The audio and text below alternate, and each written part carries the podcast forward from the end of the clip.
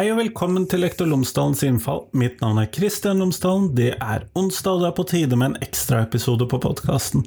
I dag så har jeg fått til det siste og Nei, det er ikke det viktigste, men det siste av alle partiene på Stortinget. Og med tanke på det at Roy Steffensen leder utdanningskomiteen på Stortinget, og sitter der for Fremskrittspartiet, så er dette kanskje en av de viktigste episodene i denne valgserien.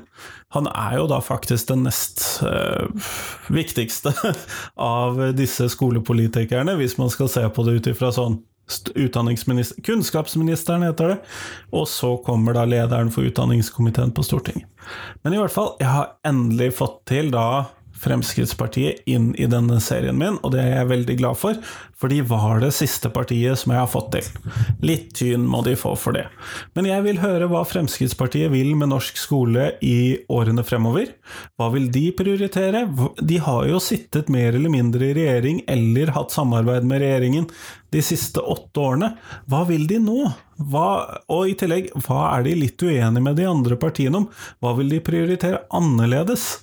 Kanskje du skal gå tilbake og høre intervjuet med Kent Gudmundsen f.eks., eller med Hans Fredrik Røvan, og så høre om du hører noen forskjeller, eller kanskje med Solveig Schytz. Men i hvert fall, dette er da en av de siste episodene i valgserien min før valget nå 2021.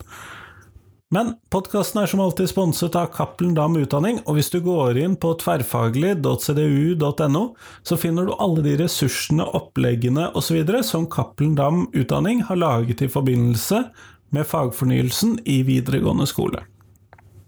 Dette dekker naturlig nok de tverrfaglige temaene, men det kan jo da gi ideer om hvordan man skal klare å legge opp tverrfaglig undervisning på tvers av fag i videregående skole. Men det kan du gå inn og se der på tverrfaglig.cdu.no. Men her får du intervju med Roy, vær så god!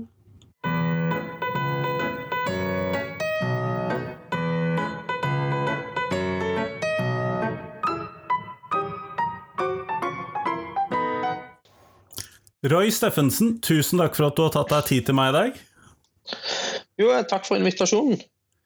Eh, før vi kommer i gang med selve intervjuet, så hadde jeg håpet at du kunne fortelle lytterne mine tre ting om deg selv, sånn at de kan få bli litt bedre kjent med deg. Eh, ja, jeg er stortingsrepresentant fra Rogaland og leder av utdannings- og forskningskomiteen. Eh, før jeg ble stortingsrepresentant, så jobba jeg på fiskeoppdrett i Norges minste kommune i areal. Eh, og så har jeg hatt en uh, veldig uvanlig hobby tidligere, som er biljard. Uh, som har gjort at jeg har kunnet reist rundt i hele verden, konkurrert, truffet masse folk. men nå er det familie som er hobby. Ja, biljard som hobby, den har jeg ikke vært borti før.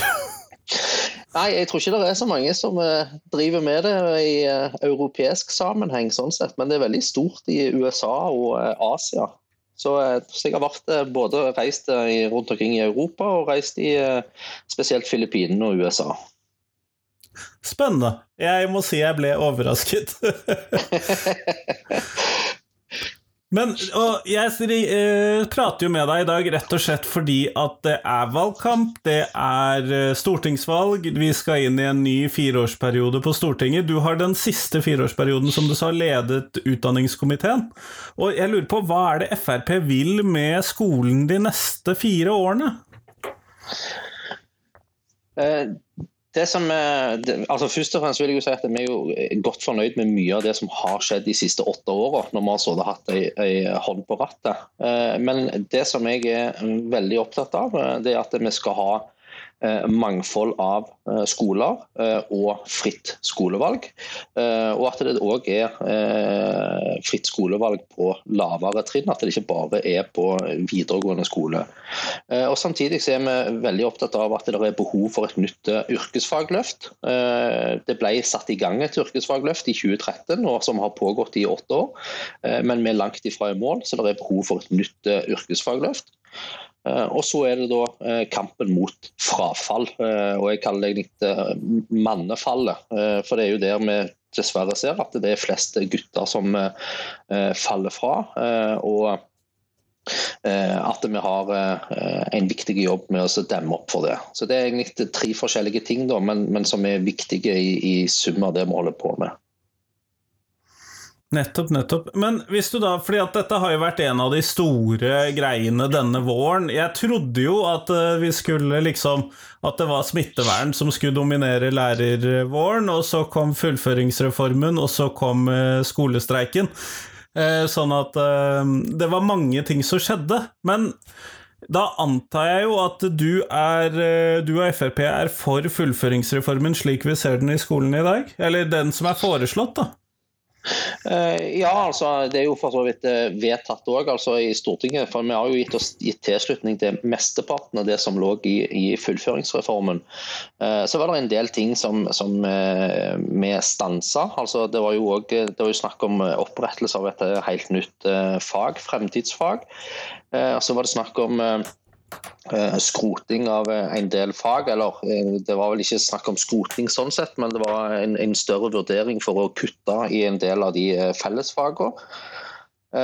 Så var det òg forslag om å redusere opplæringskontorene sin rolle, og det var om å gjøre fagbrev på skole i stedet, altså et toårig fagbrev på skole.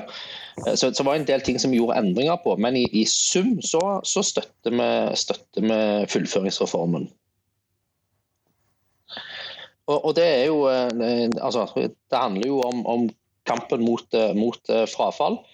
Så er det jo sånn at Jeg syns det er veldig misforstått at vi, når vi snakker om frafall, så snakker vi alltid om videregående skole. For det arbeidet starter jo så mye tidligere. Det er jo forskning som viser at har du gått i barnehage, så har du større sjanse for å uh, fullføre skole. og Det viser at, at, eh, når vi snakker om kampen mot frafall, så må vi snakke om tidlig innsats. Uh, vi må snakke om barnehage, overgangen mellom barnehage og skole. hva type opplæring du har de første åra i skolen. Så, så, jeg mener jo at vi har kampen mot frafall har stått sentralt gjennom alle de åtte årene jeg har vært på, på Stortinget. når vi har eh, eh vi har jobba for å heve kvaliteten i barnehagene. Vi har sørga for at det er eh, flere tusen nye lærere i eh, barneskolen. Vi har fått på plass regelverk eller vi har, vi har, begynt å nøste i spesialundervisning. Sant? Der òg så vi jo at eh, tiltak ble satt inn for seint. Altså, 67 av, av eh, vedtakene ble eh, gjort på ungdomsskolen. Det er som regel for seint. At tiltak må settes inn eh, når det blir oppdaga at en elev har behov for, for tiltak og oppfølging. Og, og, alt dette handler jo om kampen mot frafall. Det er ikke en, en det er ikke en sak som er, relatert kun til videregående, selv om det er der du først ser om du lykkes eller ikke. Ja, for det er jo ganske vanskelig for elever å skulle slutte før de kommer til eh, videregående skole.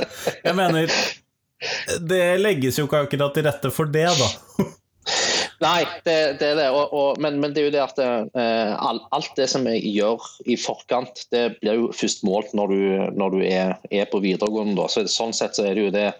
Det, det er jo eh, Jeg pleier å si at en, det å være skolepolitiker, det er ikke en det, det, er veldig mye annerledes enn å være politiker på andre felt. for Der kan du gjerne klippe snorer og du kan få effekt av noe fra dag én. Men når du vedtar noen endringer på skolepolitikk, så er det jo gjerne først om 15-20 år at du faktisk ser uh, resultater av det. Uh, noe gir jo umiddelbar effekt, som f.eks. innføring av fraværsgrenser.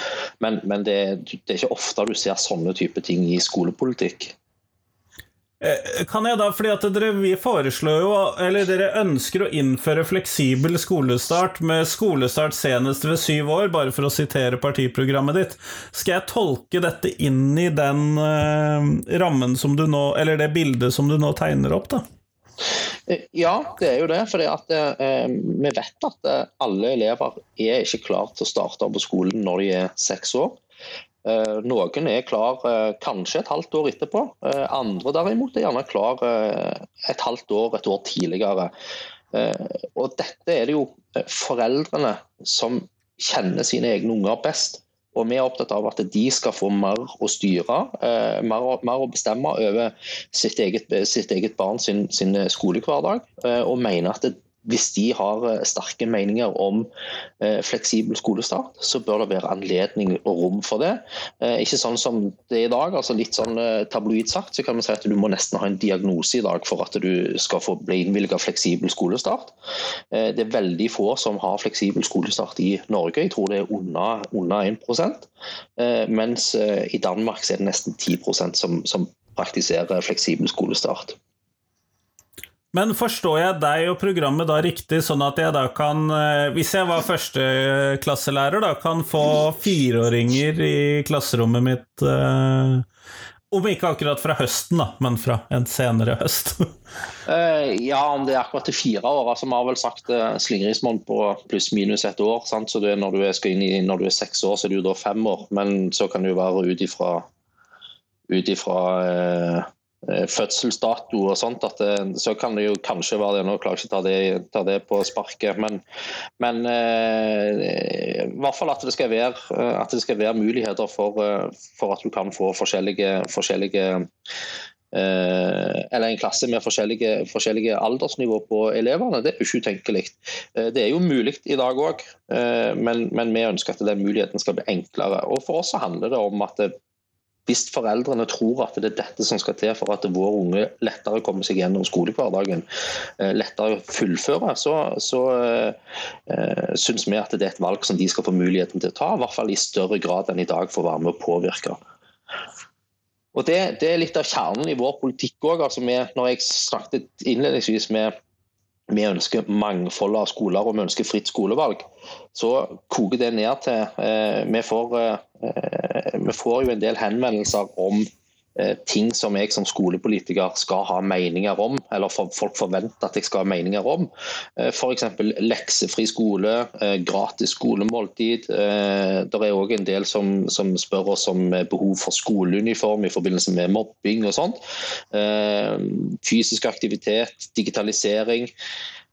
Jeg mener at i utgangspunktet så bør alle denne type spørsmål her, det skal avgjøres av fagfolk. altså Det er lærere og skoleledelse som bør få bestemme innholdet i skolen. De er mye mer skikka, eh, bedre rusta til å ta den type avgjørelser enn det jeg er. Eh, men så mener jeg at det skal være eh, fritt skolevalg, sånn at foreldre kan få lov til å velge den skolen som de tror passer best for seg og sin unge. Alle elever er forskjellige. Alle er unike, de, de, lærer på forskjellige måter, i forskjellig tempo. Eh, hvis noen har lyst å gå på en skole hvor, som er leksefri, og hvor de har eh, gratis skolemåltid, eh, fordi at skolen velger å prioritere det, så syns jeg at foreldrene skal ha muligheten til å kunne velge å søke seg til en sånn skole. Eh, jeg er f.eks. selv veldig tilhenger av lekser eh, for meg og vår familie og min datter som går i første klasse. Jeg syns det er helt topp, og jeg ser at min datter trives med det òg. Men jeg har så stor respekt for at det som er rett for meg og min familie, er ikke nødvendigvis rett for 600 000 elever landet rundt. Alle er forskjellige, alle bør derfor få et, uh, muligheten til å velge et tilbud som passer de best. Nettopp, nettopp. Men når du da ønsker eh, flere, eller større variasjon og flere friskoler og sånn, og det ser jeg også her i partiprogrammet at dere ønsker å legge til rette for flere privatskoler, eh, vil ikke det da kunne være en sånn fare for at man eh, svekker den offentlige skolen i de samme kommunene? Det er jo ikke så mange barn. Nei, men, men så er det òg at eh, jeg lever ikke i den eh, Hva skal jeg si eh, Altså, jeg, jeg, har ikke den forståelsen av at det, det offentlige eier elevene. Det er foreldrene som, som, eh, som, eh, eier sine egne barn. Og jeg mener at de skal få størst mulig sjanse til å velge det skoleopplegget som passer best for seg og sine. Så må vi også huske på at Det som er årsaken til at det har blitt en del friskoler nå, er jo fordi at det offentlige legger ned skolene som er i distriktene. Altså det er Veldig mange av friskolene som blir starta, skyldes jo at det har vært en skole akkurat i den kretsen tidligere. Men så har politikerne valgt å legge den ned, og så ønsker foreldrene å starte opp fordi de mener at det er bedre for for, eh, for, sin familie og sin unge at det er en skole i nærområdet. Og Da mener jeg at det, sånne type skoler er ofte drevet av idealisme. Det kan være at de mener at eh, den offentlige skolen eh, driver på en måte som Eller at de kan gjøre det bedre enn den offentlige skolen. Og jeg mener at med, Når folk ønsker å starte skoler, så er det jo fordi de ønsker å skape et bedre tilbud for elevene. Og Da mener jeg at da skal vi i størst mulig grad lete etter grunner til å si ja til det, hvis det kan føre til at elever får et bedre tilbud. Men, og da er jo spørsmålet mitt der Fordi at disse lokale friskolene der hvor man har lagt ned den eh, småskolen, og så ønsker foreldrene at den skal være der, den, det er jeg helt enig med deg det er det ganske mange av. Men vi ser også en ganske kraftig andel av religiøse friskoler, eh, som da blir eh, også da enda mer tilrettelagt for med FrPs partiprogram. Og da lurer jeg på, er Frp klar til å si ja til f.eks. muslimske friskoler? Eh, vi har, vi har, hatt den diskusjonen bl.a. med muslimske skoler som ønsker å starte i Oslo. Og Da har vi sagt at her er det jo forskjellige prinsipper som, som veier mot hverandre, da, som du må, eller vekter mot hverandre. Og eh, For oss så, så eh, handler det om eh, integrering, og at vi av integreringshensyn har valgt å si nei til eh, muslimske friskoler.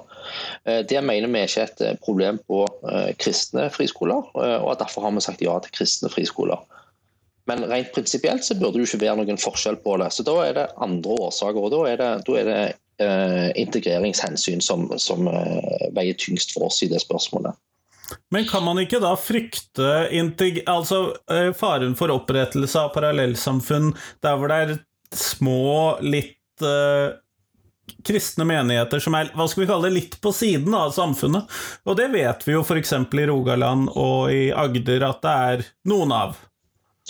Eh, ja, og, og, sånne type vurderinger må jo alltid tas når skoler skal starte. og Det er jo ikke sånn at vi vil ha et, et, et eh, frislepp uh, uten at det skal gjennom, gjennom, et kontrollsystem heller. Men vi ønsker at det skal være enklere å starte opp i dag. Men vi ser jo helt klart at det er utfordringer der òg. Annet var det jo et uh, skoleopplegg nå oppe i Lofoten vel, som var i media for et år siden.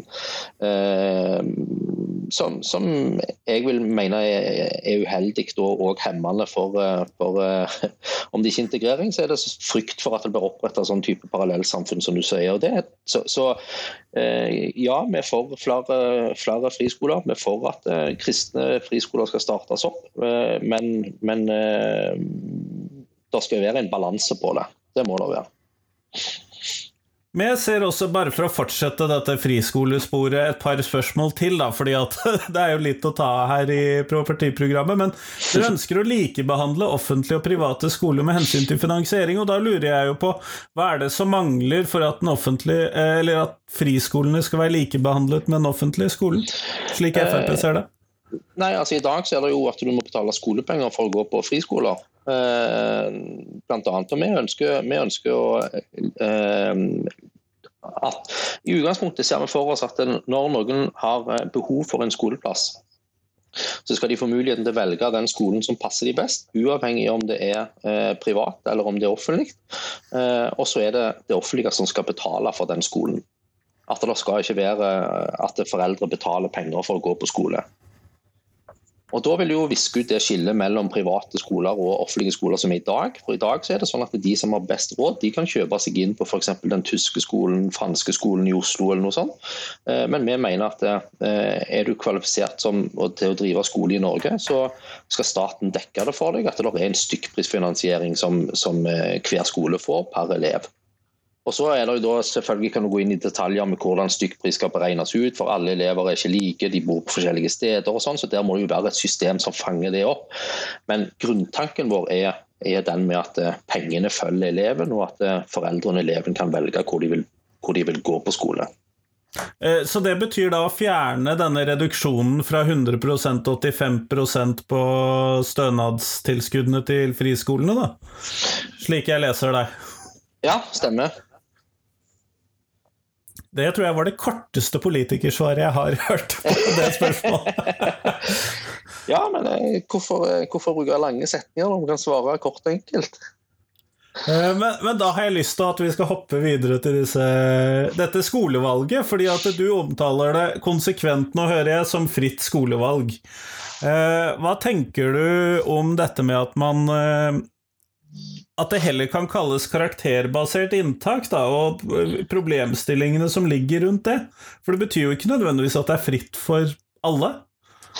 Eh, nei, men det er en tann som har festa seg. også sånn I Rogaland så har vi, har vi hatt eh, denne, denne inntaksmodellen da, i eh, sikkert 30-40 år, i hvert fall så lenge, så lenge jeg har eh, vært aktuell. Det var jo i 95 så skulle jeg søke.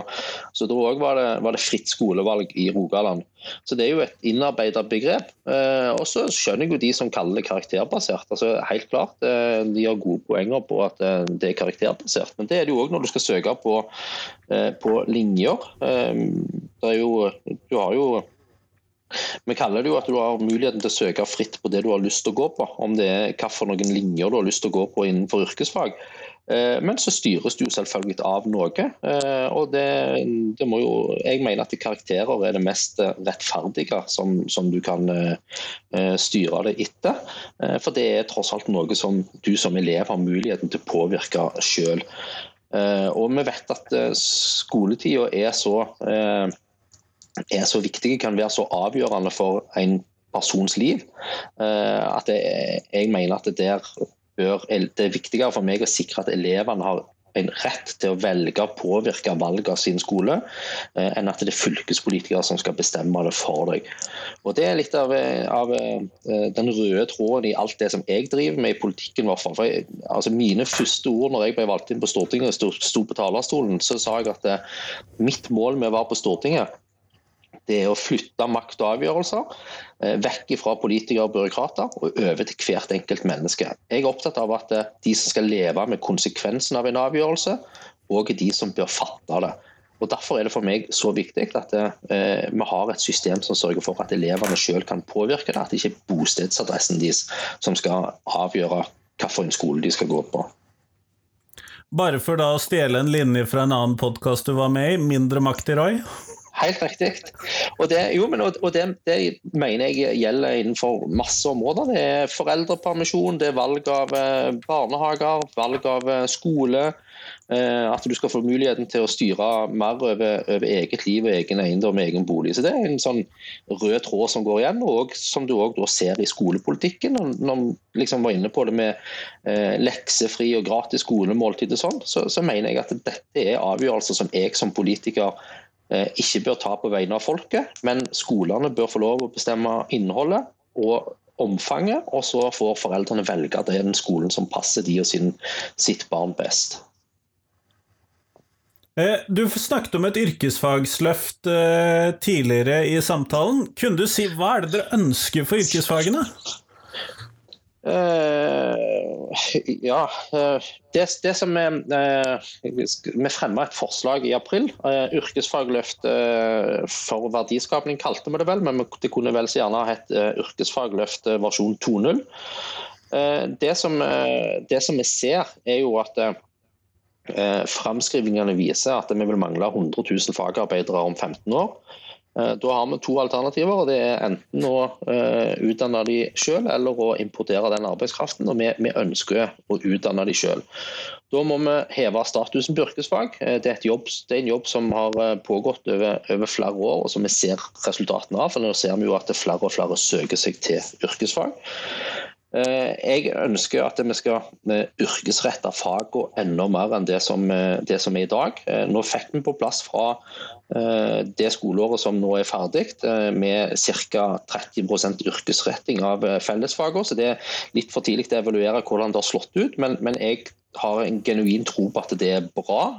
Bare for yrkesretting Det er jo jeg trenger gjerne ikke forklare det på podkasten, men kan gjøre det likevel. Altså Yrkesretting av, av engelsk og, og, norsk det betyr at når du da har engelsk, så skal minst 30% av undervisningen da være relatert til det yrke du skal ut i. At du lærer eh, engelsk som om du snakker engelsk på den arbeidsplassen du er i, hvordan du bruker verktøy og sånt. At det, det, er. Da er det forskjellig fra elektro til mekaniske og til, til eh, det som er kaller gamle allmenn. Altså at det er forskjellige eh, variasjoner av, av fellesfagene. Eh, så handler det om utstyr på videregående. Eh, vi vet at det, er noen sånn gjenganger som går igjen eh, overalt hvor jeg er. Det er at eh, utstyret på videregående skoler er for dårlig. Og gjør at det, det, frister ikke for ungdomsskoleelever å søke seg til, til skoler hvor de jobber med gammelt utstyr. vi vet at nytt utstyr virker forlokkende på, på folk. Der har vi tatt initiativ til flere forskjellige ting, altså bl.a. en gaveforsterkningsordning på, eh, på, utstyr. Jeg har et eh, eksempel fra eh, mitt område, Randaberg videregående skole. De fikk f.eks. dreiebenker til en verdi av 1 million kroner. De ligger eh, som nærmeste nabo til et industriområde. Jeg snakket med den bedriften som har gitt de de dreiemaskinene, og de sa at eh, for de så er det avgjørende at de vet at det er de som, som eh, skal jobbe hos seg i framtida, at de jobber på topp, tar utdanningen på topp moderne utstyr. For det sparer de for mye når, når de kommer inn i bedriften. Men Da mener jeg at det er sånne type gaver som det, hvis det er en privat eh, bedrift som gir en gave til en videregående skole, så burde det være et, et, et eh, nasjonalt eh, fond som da matcher det, eller at du kvalifiserer til å søke om penger òg fra det fondet. Fordi Det hadde ført til at videregående skoler ville jobbe eh, enda tettere sammen med næringslivet. Eh, og Det ser jeg bare på som vinn-vinn, fordi at det gjør at lederne er mer oppdatert på eh, utstyr, mer oppdatert på hvordan næringslivet tenker og hva behovet er. Eh, og eh, elevene har en lettere vei å få seg lærekontrakt når, de trenger det, fordi at skolen har allerede et veldig godt nettverk med næringslivsaktører. Så jeg, Det tror jeg bare vil koble de tettere sammen, at det ville vært mye bedre. Eh, andre ting har eh, foreslått å fortsatt øke lærlingtilskuddet og eh, fjerne arbeidsgiveravgift for lærlinger. Fordi vi ser jo at selv om flere får lærekontrakter nå, så ser vi jo at det dessverre er altfor mange som står i, i kø, som ikke får den læreplassen de trenger. Eh, det handler òg om dimensjonering av eh, videregående skole. Eh, og vi mener at fylkespolitikerne burde vært enda tøffere i dimensjonering av studie, studieretninger. At de skulle vært mer opptatt av arbeidslivets behov enn av 15-åringene sine ønsker. Og at de må og, at det koster å dimensjonere riktig. Altså, hvis du skal satse på, på yrkesfag, så, så, er det dyrere enn å plassere mange elever inn i et klasserom. Eh, så er det dyrere å ha gjerne en maskinpark og sånt. Men at det, hadde vi gjort det, så tror jeg òg at vi hadde fått færre eller fått redusert frafallet i, i, i videregående og yrkesfag. Men da tenker du altså at fylkespolitikerne må være strengere med hvilke Si at de da må legge ned tømmerlin... Eh, legge ned noen klasser på tømmer fordi at det er behov for klasser på automat... Nå er jeg inne på linjer jeg ikke kan, men eh, på automatasjon, for eksempel, da? Ja, altså her, her, Vi hadde et konkret forslag nå i, rett før sommeren. og det var det vel SV var vel de eneste som støttet oss i det. Men det var at vi mente at det, det skal være et tettere og mer forpliktende samarbeid med opplæringskontorene. Eh, og at det som eh, de anbefalingene de kommer med, bør være mer førende for eh, fylkespolitikerne dag, enn det det er i dag. Eh, og det handler om at når, Hvis opplæringskontorene sier at eh, vi, har, eh, vi, vi, klarer ikke å finne læreplass til alle de som nå tar tømmerlinja, det har vi ikke sjans til.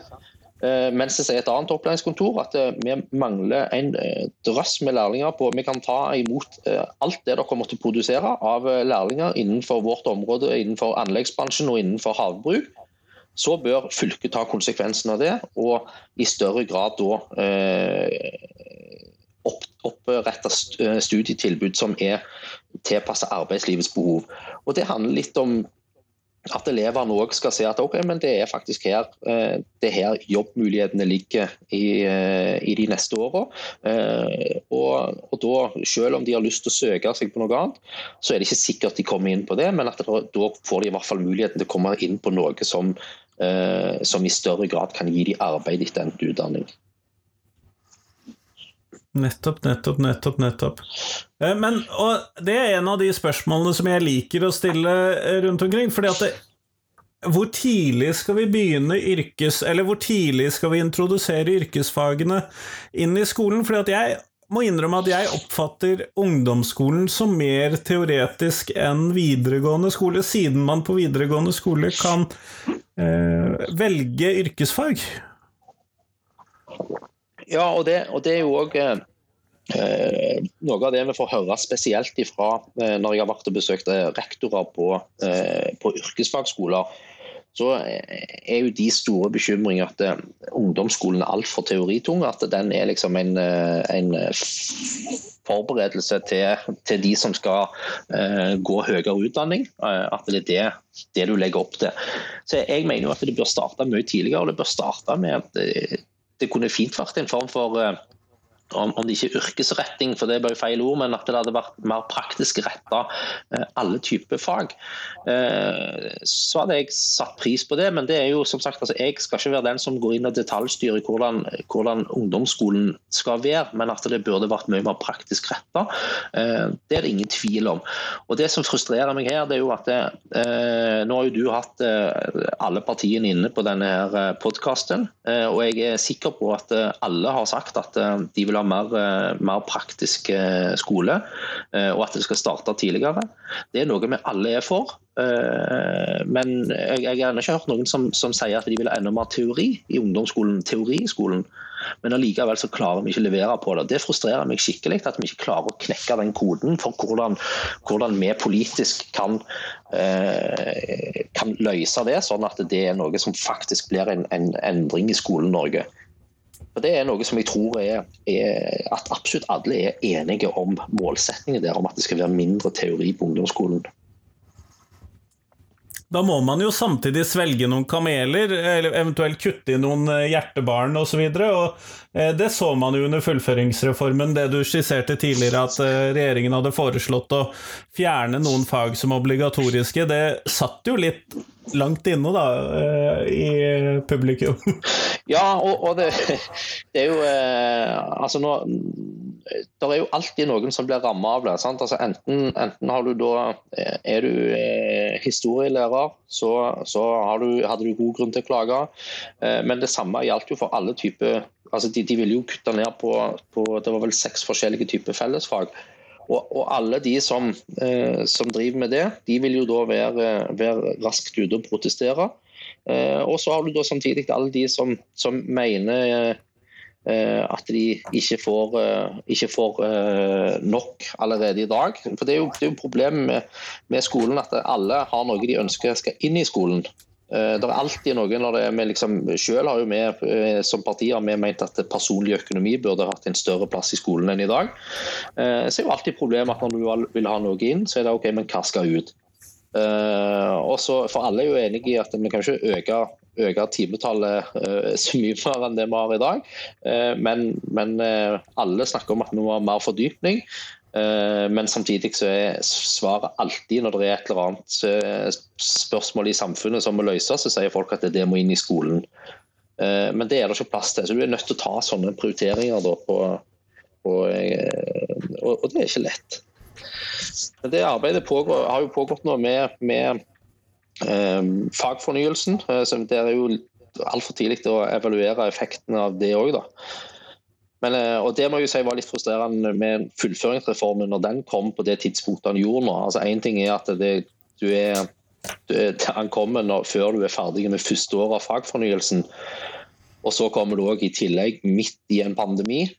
Eh, så jeg, jeg, skjønner jo veldig godt eh, jeg skjønner jo veldig godt de reaksjonene som kom fra lærere som hadde lyst til å kaste inn håndkleet og bare sa at dette, her, dette her orker vi rett og slett ikke, når det kommer så mye på korte tid.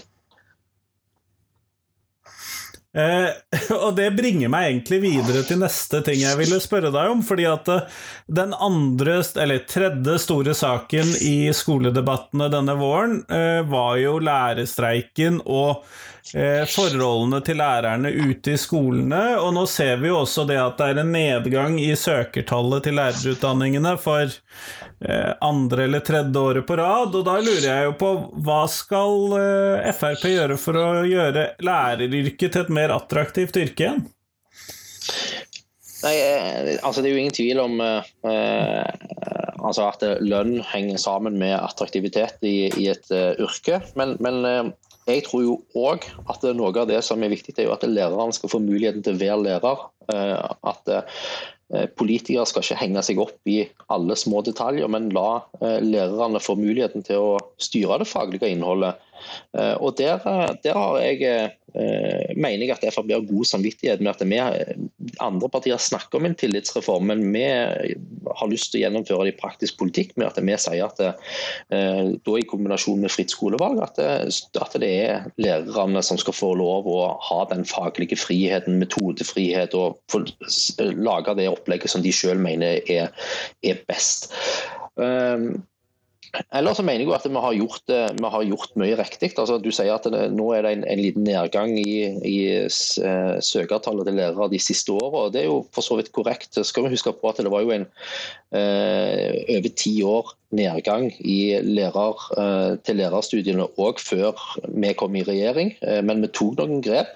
vi innførte mastergrad. Det fører bl.a. til økt lønn for, for de som, som tar det. Eh, vi har eh, eh, stilt høyere krav til kompetanse, altså firerkravet og sånt. Det tror jeg er med på å øke statusen på sikt. for Så lenge det blir vanskeligere å komme inn på et studie, så øker det statusen til det. Med å, å øke kompetansekravene, så sørger vi også for at om det er færre som søker seg inn på lærerstudiet, så er det flere som fullfører. Og Det er jo tross alt viktigst med ikke hvor mange som kommer inn i den ene enden, men hvor mange som går ut i andre enden. Eh, og Der mener jeg at vi er på rett spor. Eh, og så har vi òg eh, vært med på gjeldslette med, med altså for, for, de som tar, tar, forskjellige lærerutdanninger, og de som velger å bosette seg i steder hvor det er lærermangel, at de da kan få gjeldslette.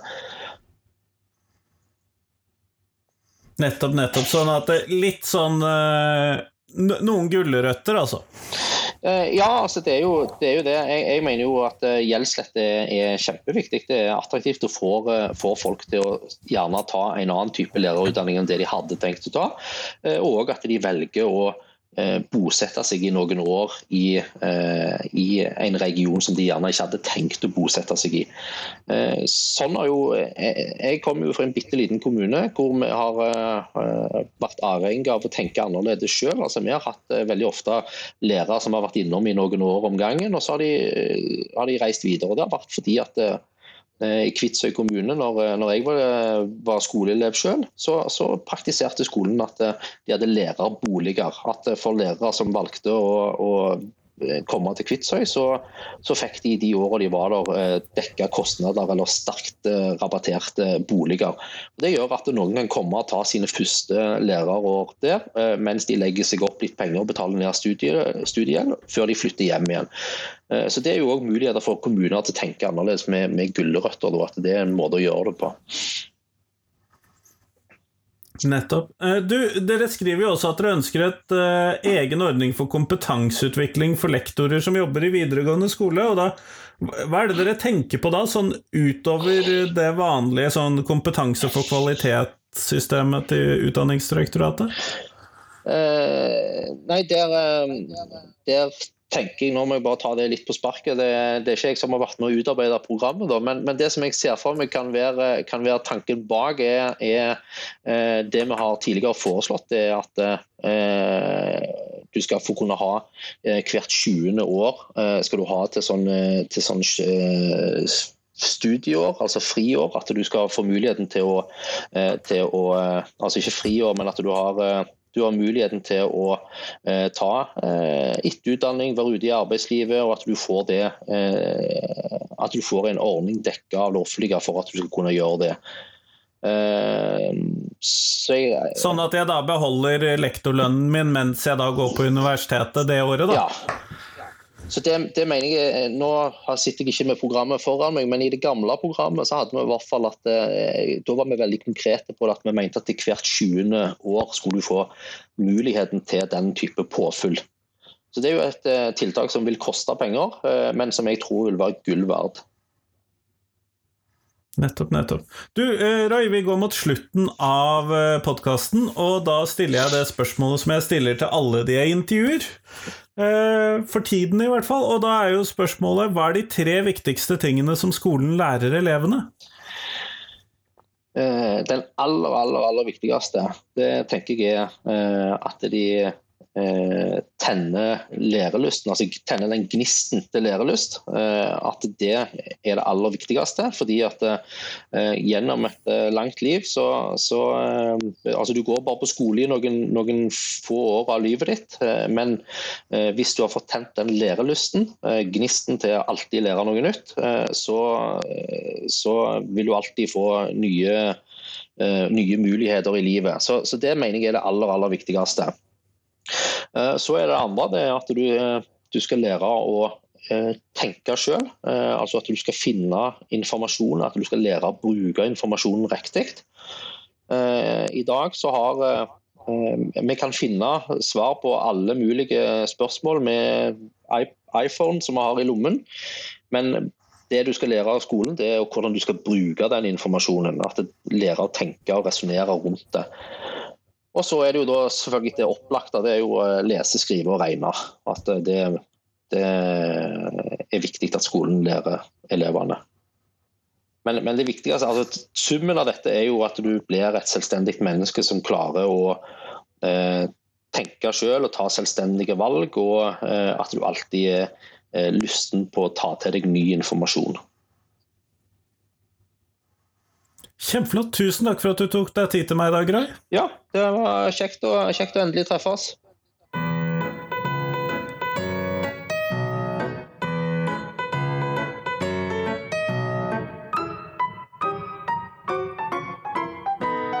Tusen takk til Roy, og tusen takk til deg som hørte på. Nå er det fram til eh, fredag, så kommer det et nytt intervju på podkasten. Og det gleder jeg meg også til. Da skal vi snakke om helsesykepleierressurser i, i skolen. Sånn at det er et tema jeg har vært interessert i lenge. Men i hvert fall, dette intervjuet som du nettopp hørte på, var en av de siste i valgsendingene mine. Nå har alle partiene fått muligheten til også høre fra seg hva de vil prioritere, hva som de vil gjøre hvis de får lov til å bestemme i norsk skolepolitikk. Så jeg håper at du har syntes det har vært interessant. Og så er jo spørsmålet hva er det beste skolepartiet? For det har ikke jeg klart å bli svar skyldig på. Jeg tror jeg vet hva jeg skal stemme i år. Men så er spørsmålet hva tenker du er det beste skolepartiet? Det hadde vært fint hvis jeg fikk en tilbakemelding om etter at du har hørt disse episodene. Og så kommer det en live-episode nærmere valget, 24.8, hvor vi da skal få flere av partiene som skal eh, snakke om norsk skole etter valget.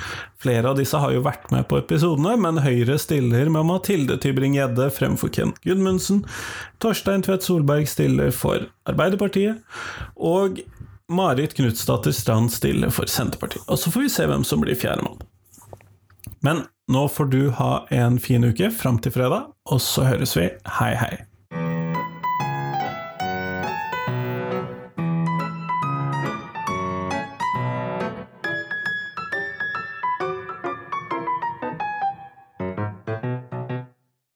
Husk at hver eneste torsdag så kommer jeg ut med et uh, tenketorsdag-bilde, hvor jeg stiller et spørsmål jeg tenker er viktig å reflektere over for norsk skole.